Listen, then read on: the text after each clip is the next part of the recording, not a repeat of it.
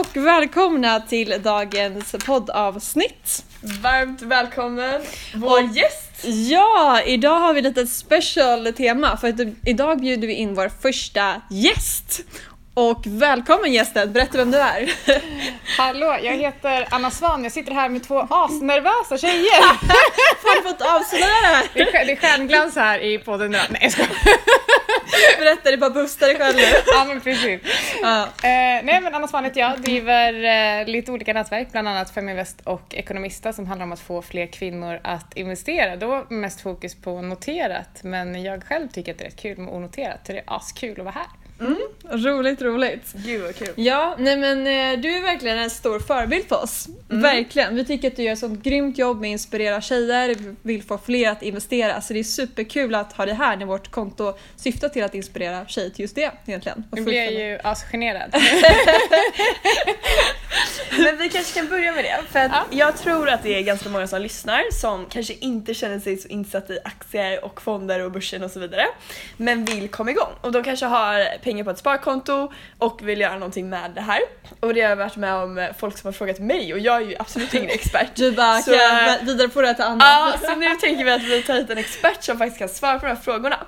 Eh, och det som är väldigt kul är att du eh, driver även en blogg, eh, annasvan.se, eller hur? det. Ja. Ja. Eh, och där så skrev du ju nyligen, du slog hål på lite nybörjartips, myter. eh, så de ska man kanske inte lyssna på då. Men, ehm, Nej, men man kan lyssna på mina där. Ja, Men- exakt, exakt. Men vad skulle du säga nu om jag sitter med pengar på ett konto och skulle vilja komma igång på något sätt? Vad skulle du säga är liksom stegen man ska ta? Jag tror att eh, det första, du kan, eh, man kan börja med att gå med i Ekonomista där det är väldigt mycket så tips och tricks. Och sen släpper jag en bok om eh, typ en vecka som heter Investeringsguiden som kommer igång med ditt sparande. Och då går man verkligen igenom så här, hur du lägger upp en budget, buffert till hur du kommer igång på börsen. Och då kollar vi både på aktier, fonder, ETFer, vi tittar på lite räntor och råvaror också. Så att vi tittar på lite olika grejer. Sen har vi också ett kapitel för hållbara investeringar för det är väldigt populärt nu. Ja. Så eh, jag tycker man ska köpa den boken såklart. Annars så skriver jag ganska mycket på min blogg. Men som sagt, gå med i, eh, i Ekonomista. Det är ju grym informationskälla där då. Superbra. Ja. Och jag undrar, hur kom du själv in på investeringar? Hur fick du upp intresset och lärde du dig allting från början liksom? Ja, alltså jag är uppvuxen på en liten hästgård eh, med 500 meter till närmsta granne och det var ingen som nämnde ordet finans eh, för mig ever. Så att det är liksom inte så att jag har fötts med det här intresset eller hade det eh, från början. Men när jag var 18, så, eller 19 kanske jag var till och med, så började jag plugga i Malmö och när jag pluggade ekonomi så började jag också jobba heltid. Så, så sparade jag massa pengar för att jag liksom ingen tid att göra av med dem för det enda jag gjorde var att plugga eller jobba. Eh, så att, och då samtidigt lärde jag känna en person som jobbade som mäklare, aktiemäklare. Och eh, jag tycker inte riktigt om att ligga i underläge, framförallt inte när det kommer till killar. Så när han började prata om aktier så låtsades jag som att jag kunde. Ehm, så att han skulle lägga sig på en nivå där han inte tyckte att jag var dum. Eh, så då, då ljög jag och sa att jag investerade och då började han prata om investeringar med mig. Så satt jag och tog smyganteckningar och sen googlade när jag kom hem. Åh gud vad kul. Eh, och sen så köpte jag min eh, första bok om investeringar som heter Vägen till din första miljon. Och eh, efter det började jag köpa investmentbolag och sen så investerade jag i några år, eller i tre år, tills jag pluggade. Eh, bara långsiktigt och sen så när jag eh, slutade plugga så hade jag bara ett heltidsjobb så jag hade massa tid över så då började jag handla lite mer aktivt med läkemedelsbolag. Och ehm, då hade jag mitt konto på Nordnet kopplat till Sharewill. Eh, och så tänkte inte jag så mycket mer på det och plus att det var mitt vanliga namn. Så helt plötsligt var jag högst upp på topplistan så fick jag massa följare. Wow. Så då hade jag typ 180% på avkastning på tre månader och sen så slutade jag det året på strax över 300%. Wow. Ehm, så ja, och då startade jag en blogg ehm, som då hette Mina affärer för att jag ville vara anonym men alla fattade att det var jag ändå eftersom att jag hade mitt namn på Sharewill. så då hade jag eh, bloggen och sen så hörde Feminvest av sig ville att jag skulle bli ambassadör. Eh, och bara några månader senare startade jag Ekonomista med Isabella Löwengrip och eh, sen ett par månader senare flyttade jag till Stockholm. Och då skulle jag bara skriva mina böcker och jobba med Ekonomista och jobba med min blogg och så men ehm, helt plötsligt blev jag erbjuden att ta över Feminvest så att det har jag gjort nu i ett och ett halvt år. Gud vad kul! Vilken resa! Wow. Ja, det är jätteknäppt. Men så att det, det sätter ju då i perspektiv att alla kan faktiskt börja eh, oavsett liksom vad de har för bakgrund. Mm. Men hur fungerar Feminvest? Är det mycket fysiska träffar eller är det mer att man tar del av information online? Det har varit lite, lite både och. Förra året så var jag runt eh, på 15 event på hela året. Oj. Eh, Så det var liksom så här i Malmö, Stockholm, Göteborg. Ja. Och eh, det var väl sjukt mycket jobb och jätte, jättekul att träffa så himla många. Men jag tror liksom på digital närvaro eftersom att jag sitter helt själv på Feminvest så har jag tyvärr inte tid att resa så mycket. I alla fall inte på det sättet för det blir liksom inte effektivt i organisationen. Jag vet att ni pratade i er work-life balance avsnitt som ni släppte sist, alltså hur viktigt det är att, eh, att hitta effektivitet i, eh, sin organisation. Ja. Och när jag är själv så fanns det ingen effektivitet där. Så att nu kör vi på ett par större event per år istället. Så att, eh, vi hade den här hållbarhetsturnén Mm. i Malmö, Göteborg, Stockholm eh, 6-8 mars och så ska vi ha ett jättestort event i Stockholm i december. Gud vad kul! Ja men Roligt. spännande. Men okej, jag har en nybörjarfråga här då. Angående eh, om man ska komma igång och investera. Mm. Eh, för vad jag har lärt mig när jag började sätta in mig i det så är det att det är väldigt svårt att slå index om man inte är eh, väldigt, lägger mycket tid på det. Eh, på att följa aktier och så vidare. Eh, så att min analys är att man, om man är verkligen nybörjare och vill vara lite passiv och kanske lägger mycket tid på annat i sitt liv, att man ska försöka ligga ganska nära index och sen också diversifiera som du så fint har lärt mig råvaror eller Lendify eller Ja. liknande och ha liksom lite balanserat och väldigt liksom spritt så Mm. i tillgångslag. Men just att försöka liksom välja ut aktier och på så sätt försöka få ännu bättre avkastning än em, en mm, index på väldigt lång sikt om man tänker så här 10 års Mm. Hur ser du om den analysen? Tycker du att man ska sätta sig in i aktier och verkligen så här, försöka slå det eller? Nej, alltså det, det roliga är jag tycker inte alls att aktier är för alla. Eh, utan jag tycker att det är väldigt individuellt och man får bestämma det själv. Det är Mm. ingen som säger, det är ingen som komma och säga att jo men det är klart du ska välja ut fem bolag själv och det är klart du kan det. För att nej, det är faktiskt jättesvårt. Så Mm. jag tycker att om man precis ska komma igång då kanske det bästa är att börja med indexfonder och sen så komplettera med ett bolag i taget om man tycker det är kul att göra de analyserna. Och tycker man inte det, nej men kör liksom andra typer av liksom så här fondinvesteringar och titta på, som, ja, som jag pratade om, liksom Lendify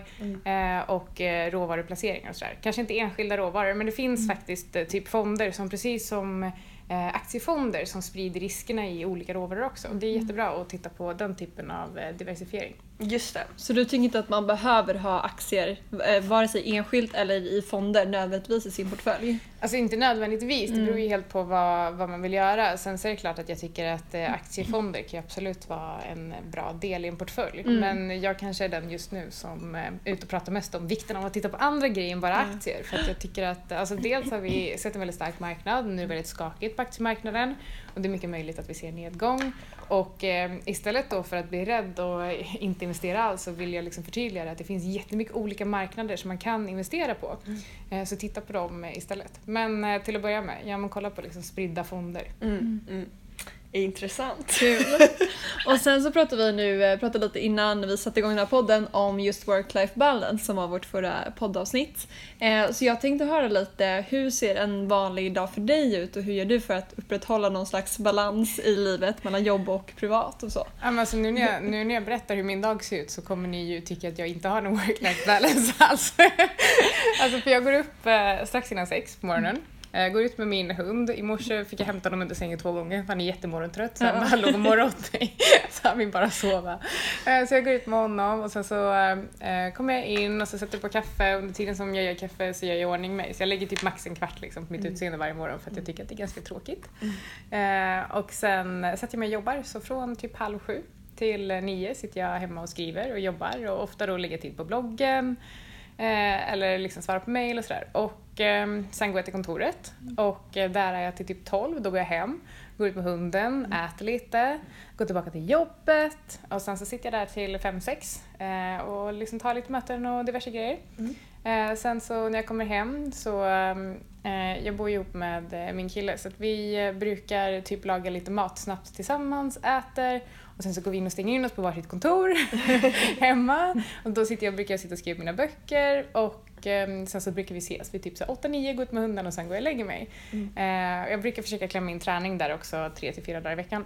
Eh, och eh, ja, nej men det, Ja. Snyggt!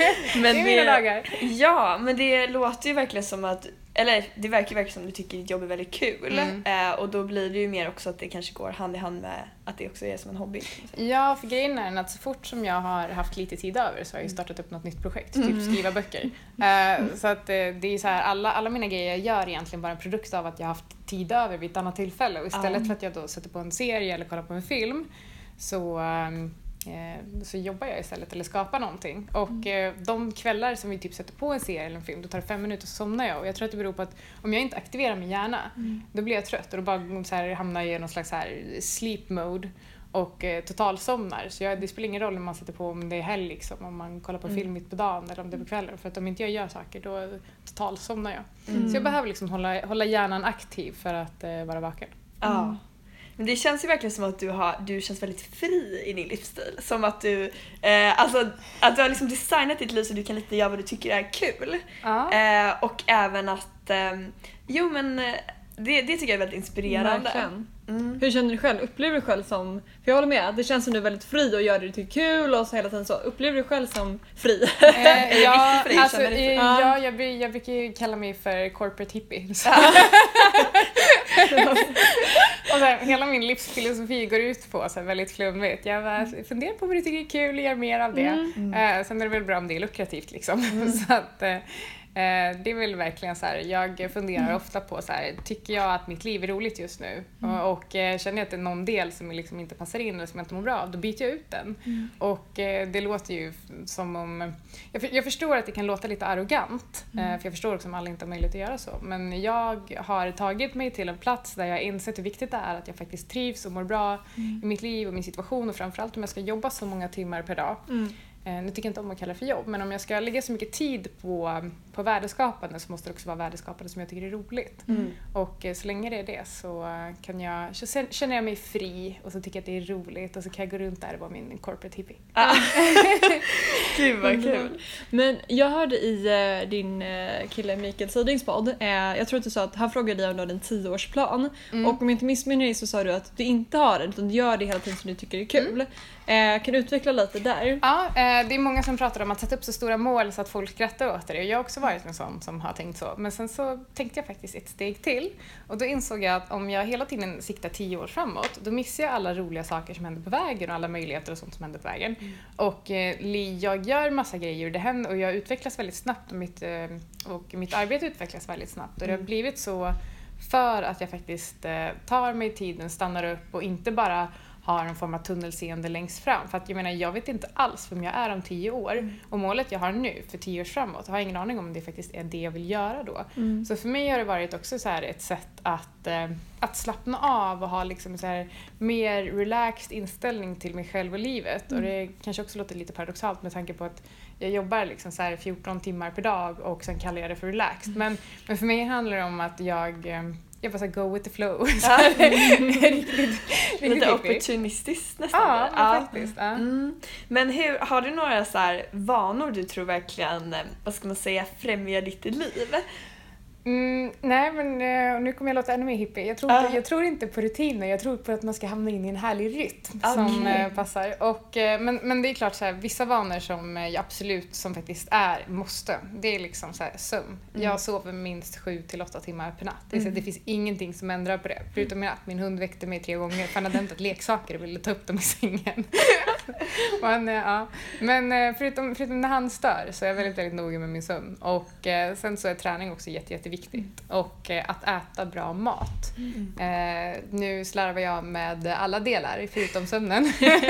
men, eh, ja, men, eh, men jag tror att så här, har man de grundpelarna och försöker förhålla sig till det så löser sig resten. Mm. Hur, tror, hur tänker du kring att ha hund och kombinera med jobb och så? Är det ett bra sätt att liksom rensa hjärnan och Ja, jag brukar, jag brukar säga att han har räddat mitt liv. Eh, Oj, ja, wow. men för att jag, jag, blir så att jag blir tvungen att ha fyra pauser där jag faktiskt bara så här, lägger tid på att vara ute med honom och se till så att han mår bra.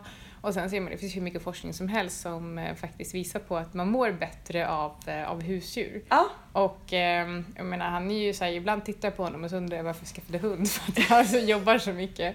Men, eh, men jag har inte ångrat det en sekund. Nej. Han är Nej. jättehärlig. Gud vad härligt. gud vad kul.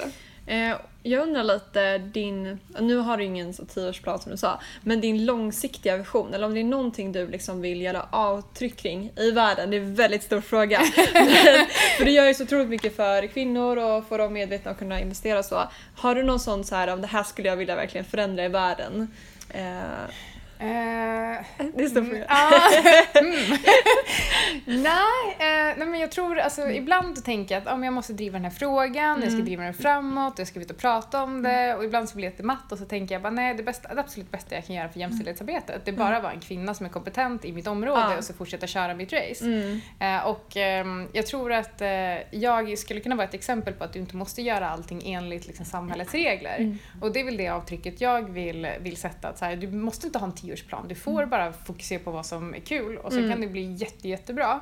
Eh, och, ehm, ja, men så det är väl framförallt det avtrycket, att, eh, att jag vill kunna visa att eh, ett, du kan göra i princip vad som helst, du kan göra massa olika saker. Menar, jag skriver böcker, både skönlitterärt och icke, och sen investerar jag och hittar på liksom diverse grejer. Och jag är ute och reser och jag eh, eh, liksom jag tar jobbet på mina villkor. Jag gick in till min, eh, till min chef och så sa jag så här, du, eh, just nu tycker jag att jag är för fast vid kontorstiderna. Jag behöver få känna mig fri. Eh, och då sa han, okej, men hur känner du dig fri? Jag bara, jag, du vet att jag jobbar på resande fot. För jag tar, alltså jag är ju på semester, jag är ute och reser väldigt mycket. Men eh, där sitter jag och jobbar och det är väldigt viktigt med att ha möjligheten att göra det. Och då sa han bara, ja men gör det. Det sa han bara, så länge vi får ha kvar dig så får, du, så får du göra precis som du vill så länge du fortsätter visa resultat och så länge du är glad. Och jag tror att jag vill visa på att ehm, du måste inte göra allting enligt alla andra spel, spelregler utan du kan sätta upp egna spelregler så länge liksom det funkar och alla är glada.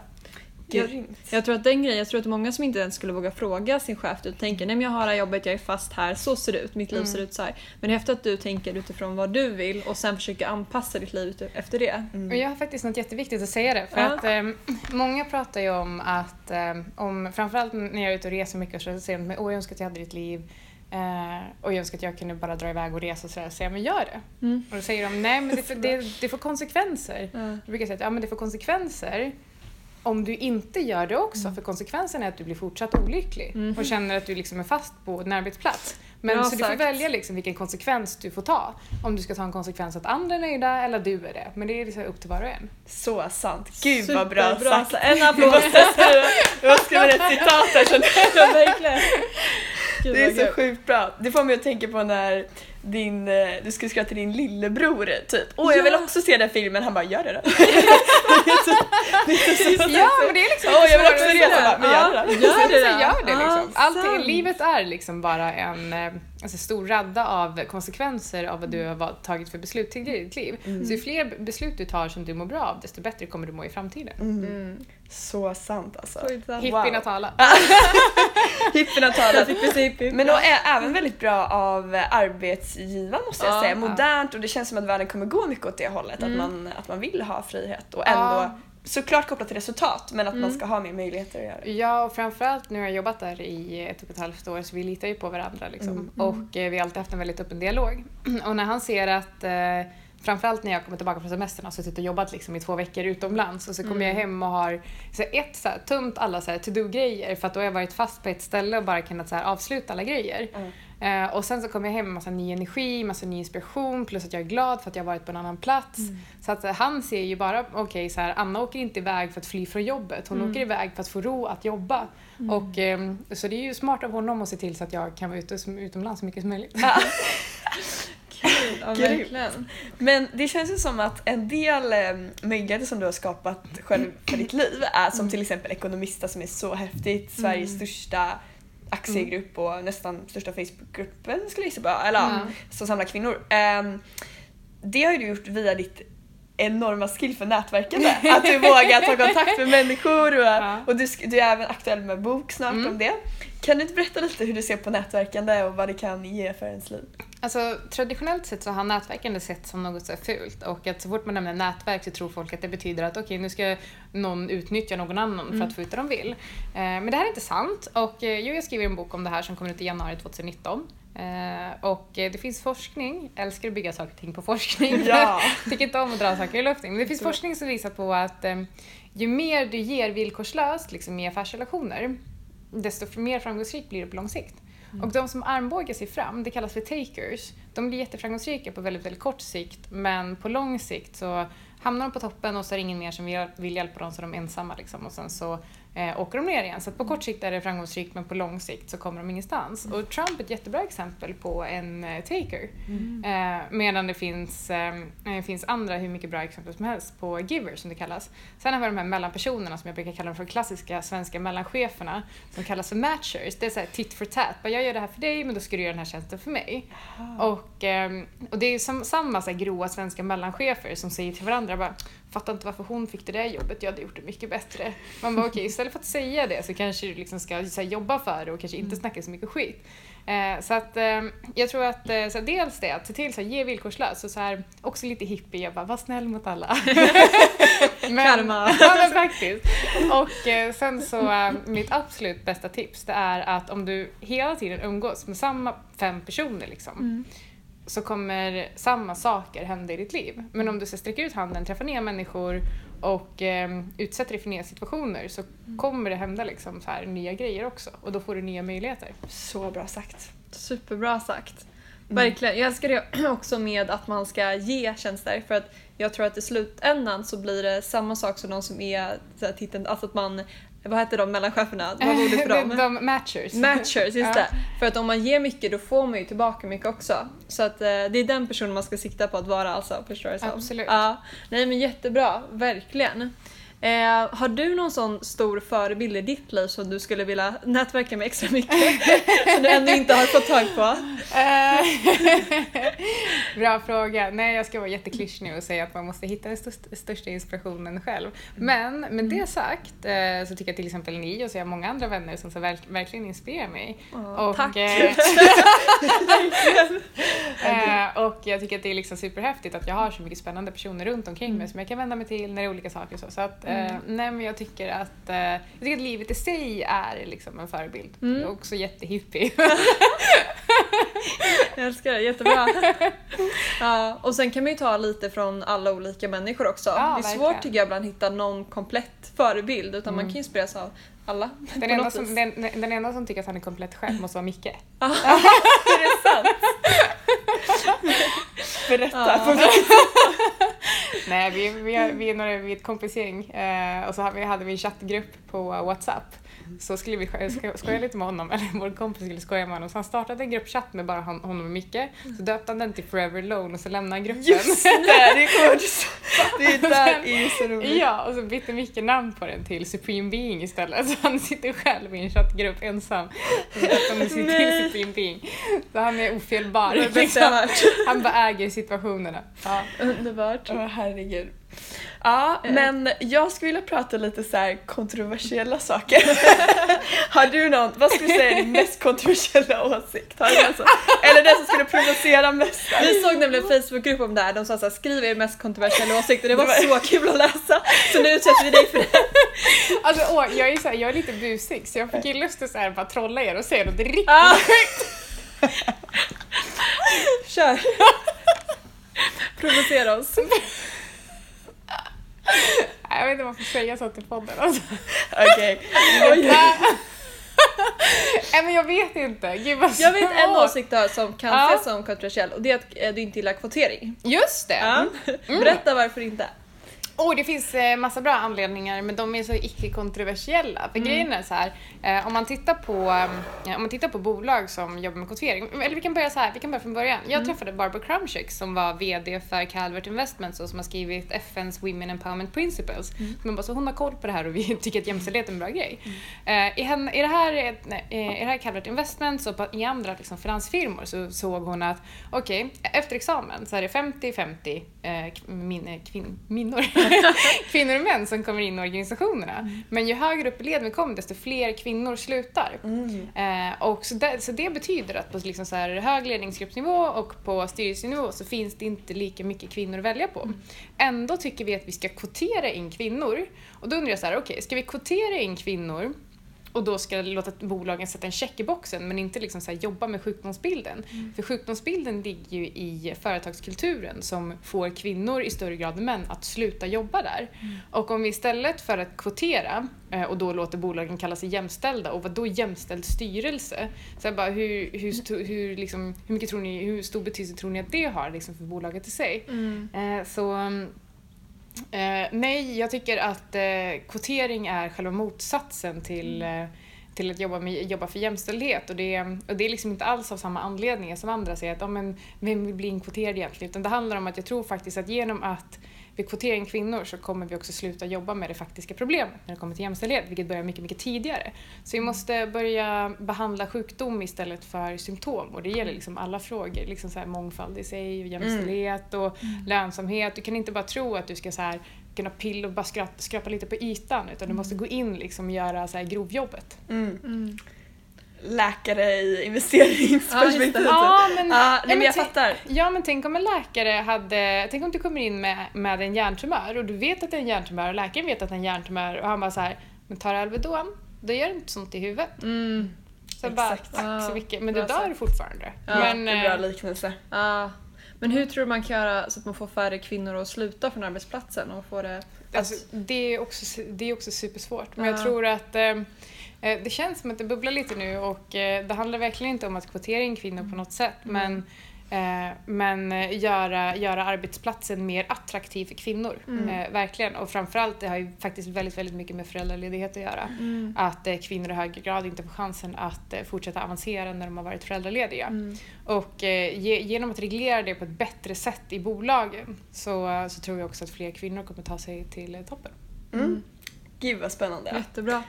Eh, om vi fortsätter lite på de här eh, gällande kvinnor och män och så. Eh, där man delar upp det så här motsatser. Eh, då undrar jag, alltså vi hörde, eller det finns vissa som tycker att eh, kvinnor, det kanske är statistik också, att kvinnor tar mindre risk än män. Och att det är därför vi till exempel inte har startat något unicorn än och att det inte finns någon enda kvinnlig techmiljardär i Sverige av typ 33 personer. Eh, tror du att, att det här stämmer? Eh, nej, jag vet att det inte stämmer. Ja. Finns det forskning på det här? Oj, oj, oj. eh, och eh, när det kommer till investeringar Ja. eh, så finns det en kvinna som heter Barbara Stewart som är, hon är så här, hon är en riktig power woman som publicerar en en, pub- en rapport varje år om kvinnor och risktagande. Hon, har, eh, hon har faktiskt intervjuat mig vid ett tillfälle också. Hon är Wow. ashäftig. Och hon eh, har, då- har då kunnat påvisa, och många andra också, att kvinnor tar faktiskt inte lägre risk. De är mer riskmedvetna, vilket är en helt annan sak.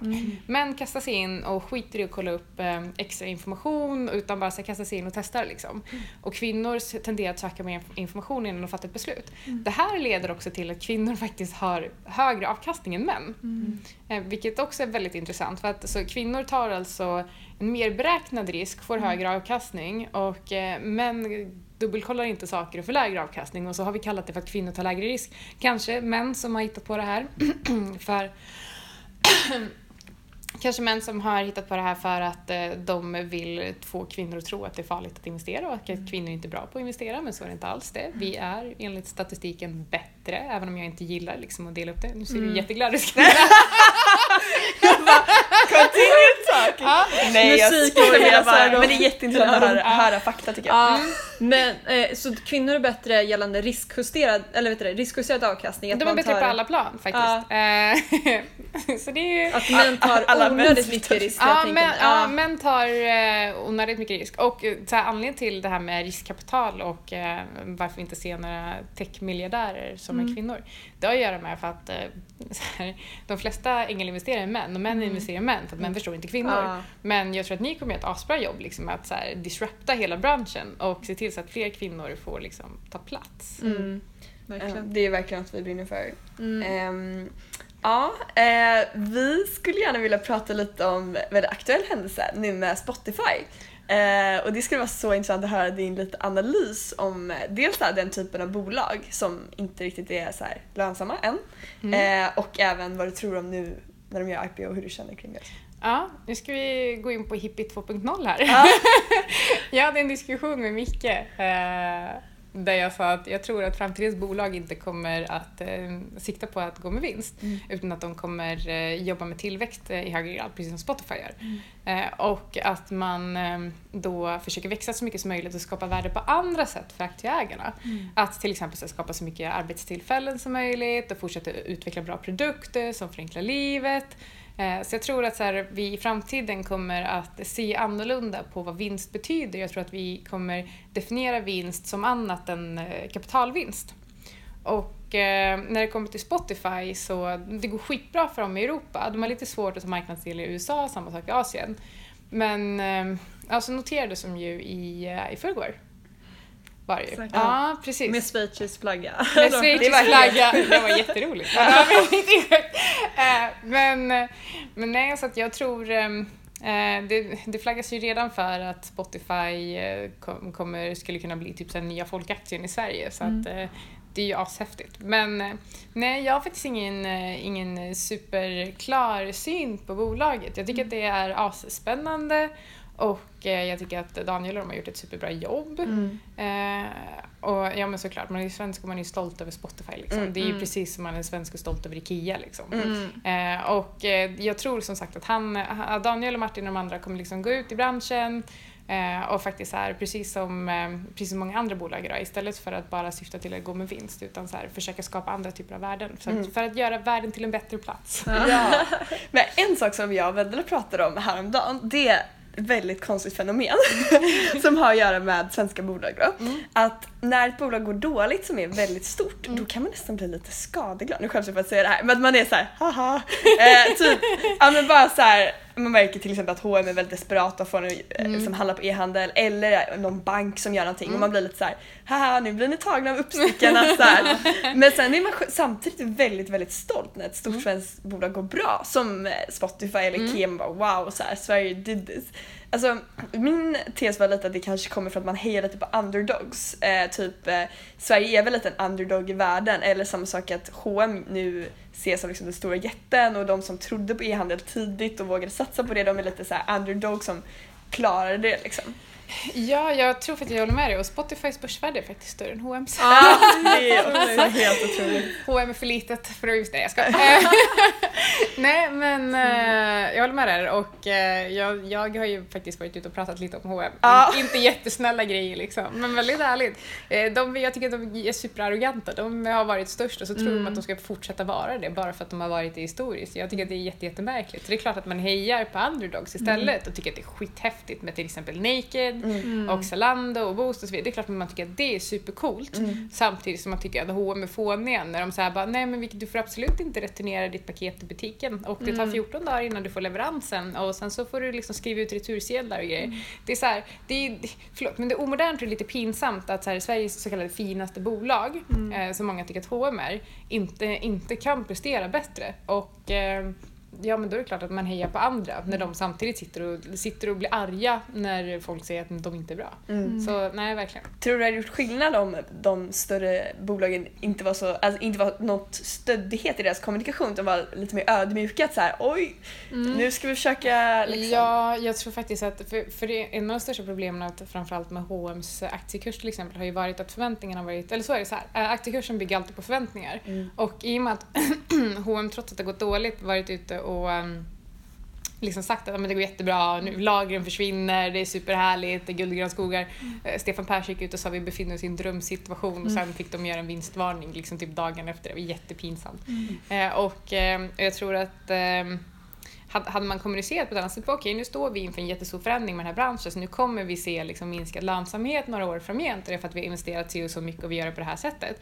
Då är det klart att de hade haft mer förstående aktieägare. Då hade, inte, då hade jag också liksom så här ställt mig vid sidan av H&M och bara ah, okej bra, då löser vi det här. Da, da, da. Men, eh, men istället går de ut och liksom ljuger för aktieägarna och det blir liksom aldrig bra, man ska aldrig ljuga. Mm. Kommunikation spelar stor roll helt Mm, enkelt. verkligen. Eh, och jag tycker vi också märkt det lite li- gällande kommunikation, eh, också från andra stora spelare som banker som du nämnde Camilla, att det är lite så här: nej vi har det jättebra här och vi ser inga hot och startupsen, nej vi kommer inte disruptas. Jag tror att just ödmjukhet och kommunikation där är väldigt viktig. Mm. Ehm, vad heter det? Ja, det var det jag tänkte säga.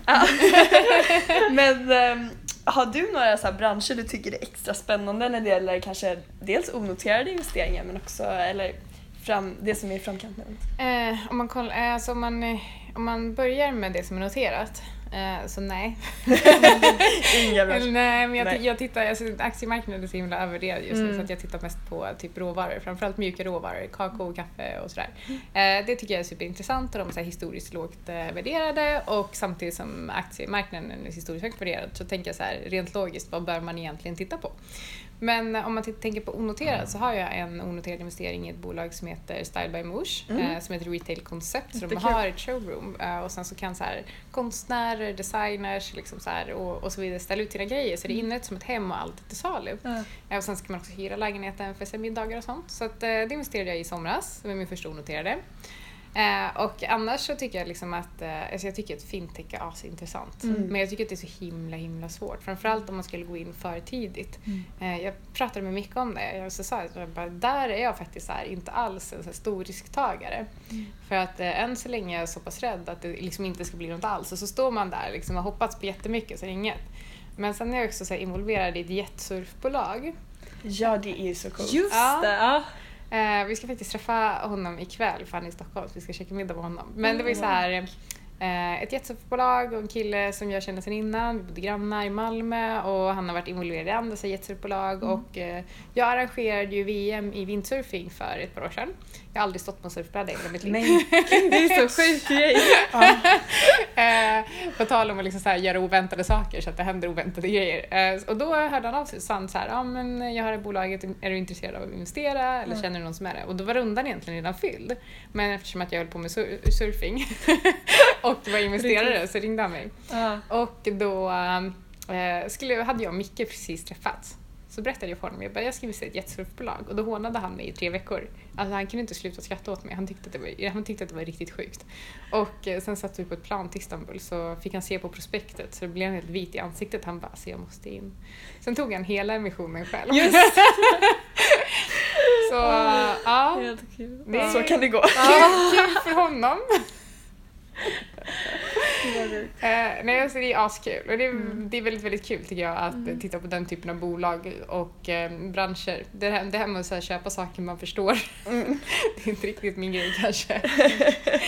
Men eh, har du planer på att köpa eller gå in i fler onoterade bolag framöver? Vill du bygga en portfölj där liksom, Ja. på samma sätt som du bygger mer noterade innehav av råvaror etc? Ja, alltså planen för framtiden är ju faktiskt verkligen att eh, gå in mer och mer på onoterat. Jag tycker att det är så himla roligt. Och, alltså, och verkligen så här, gå in och ta en aktiv roll i bolaget och så här, försöka se, framförallt så här, jag har ganska stort nätverk och eh, eh, känner mycket människor, har mycket bra kanaler och sådär så att jag vill just gärna göra den typen av, eh, av liksom gå in och hjälpa bolag på vägen. Det kan vi verkligen intyga. Man får alltid någon introduktion eller sådär. Eh, men jag tänkte på, för du skriver ju böcker nu själv som ska bli så spännande sen. Eh, och även som jag förstår som läser en del intressanta böcker. Mm. Hur ser, har du någon så här favoritbok eller någon som verkligen har förändrat dig på något sätt? Eller så? Du, du nämnde i och för sig en, den investeringsboken. Ja. Vad, vad heter den nu än? eh, vägen till din första miljon. Vägen till din första Men jag tror att det är den eh, Principles of Investing du kommer nämna. Eh, nej, alltså, Nej? det jag, ska säga, min, fa- jag ska min favoritbok Ja. och sen ska jag nämna den boken som faktiskt kanske är... Eh, jag måste nämna tre böcker. Ja, kör, kör. Okej, min absoluta favoritbok det är American Psycho av Bret Just det, just det. Eh, Den boken som, eh, om man sett så här ur, ur ett affärsperspektiv liksom, som har förändrat mig mycket på det sättet. Så verkligen Principles, ett jättebra exempel. Eh, Men också eh, Never Eat Alone av Keith Ferrazzi, så han är en nätverksguru i USA. Nu blev det fyra böcker. Men den sista boken eh, var, jag läser väldigt mycket om Tao och Taoism. Det. Och det är en gammal kinesisk lära och handlar väldigt mycket om så här, att hitta så här, den inre vägen och så gå på magkänsla och så bli trygg i sig själv. Väldigt hippie. Eh, men så här, 3000, så här, 3000 år före Kristus och sådär. Någon Wow. gammal man i Kina som har skrivit de här texterna. Och det är så här 84 verser. Eh, så det började jag läsa i höstas och det har ver- verkligen gjort mig till typ en annan person. Så På vilket sätt har det påverkat dig? jag har blivit eh, väldigt mer avslappnad i relation till mig själv och liksom Wow. vem jag är och vad jag vill göra. Mm. Och eh, det som jag verkligen har tagit med mig från den boken det är att eh, mina åsikter och värderingar är mycket viktigare än vad andra tror och tycker om mig. Mm. Och det har också gjort att jag har så här, lärt mig hantera till exempel om folk eh, inte om folk tycker att jag skriver något dumt eller gör något dumt på min blogg eller sådär. Eller som när jag var i Sri Lanka och det var kvinnor så att jag förminskade kvinnor för att jag hade en bild i bikini. Ja, Mm. Den där grejen alltså. Oh, ja, den var, det blev en storm där. Ja, Lite. ja men verkligen. Och för Ja. ett par år sedan så hade jag nog blivit lite ledsen. Så här, Mm. Inte så jag känt att jag behövde ta bort bilden men så här, bara, varför, varför hatar alla mig? Och så här, jag försöker ju inte, jag var dum liksom. Men nu satt jag verkligen bara där och tyckte så här, jag bara alltså, jag bara, ni kommer ju aldrig göra någonting vettigt med era liv om, det, är så här, om det är så här ni är funtade liksom. Ja. Eh, så att eh, nej, eh, Tao har verkligen gjort mig till en mer avslappnad person. Verkligen. Mm. Det var Wow. intressant. Det är Men eh, för det är intressant just det här att du har lärt dig att eh, ja, men bry dig mer om vad du själv, vad du står för och sen så struntar du i andras åsikter lite. Ehm, för vi, det är ju så att som människa då känns det som att man tar mer åt sig av en negativ kommentar än av en positiv kommentar. Mm. Man minns mer eh, det negativa.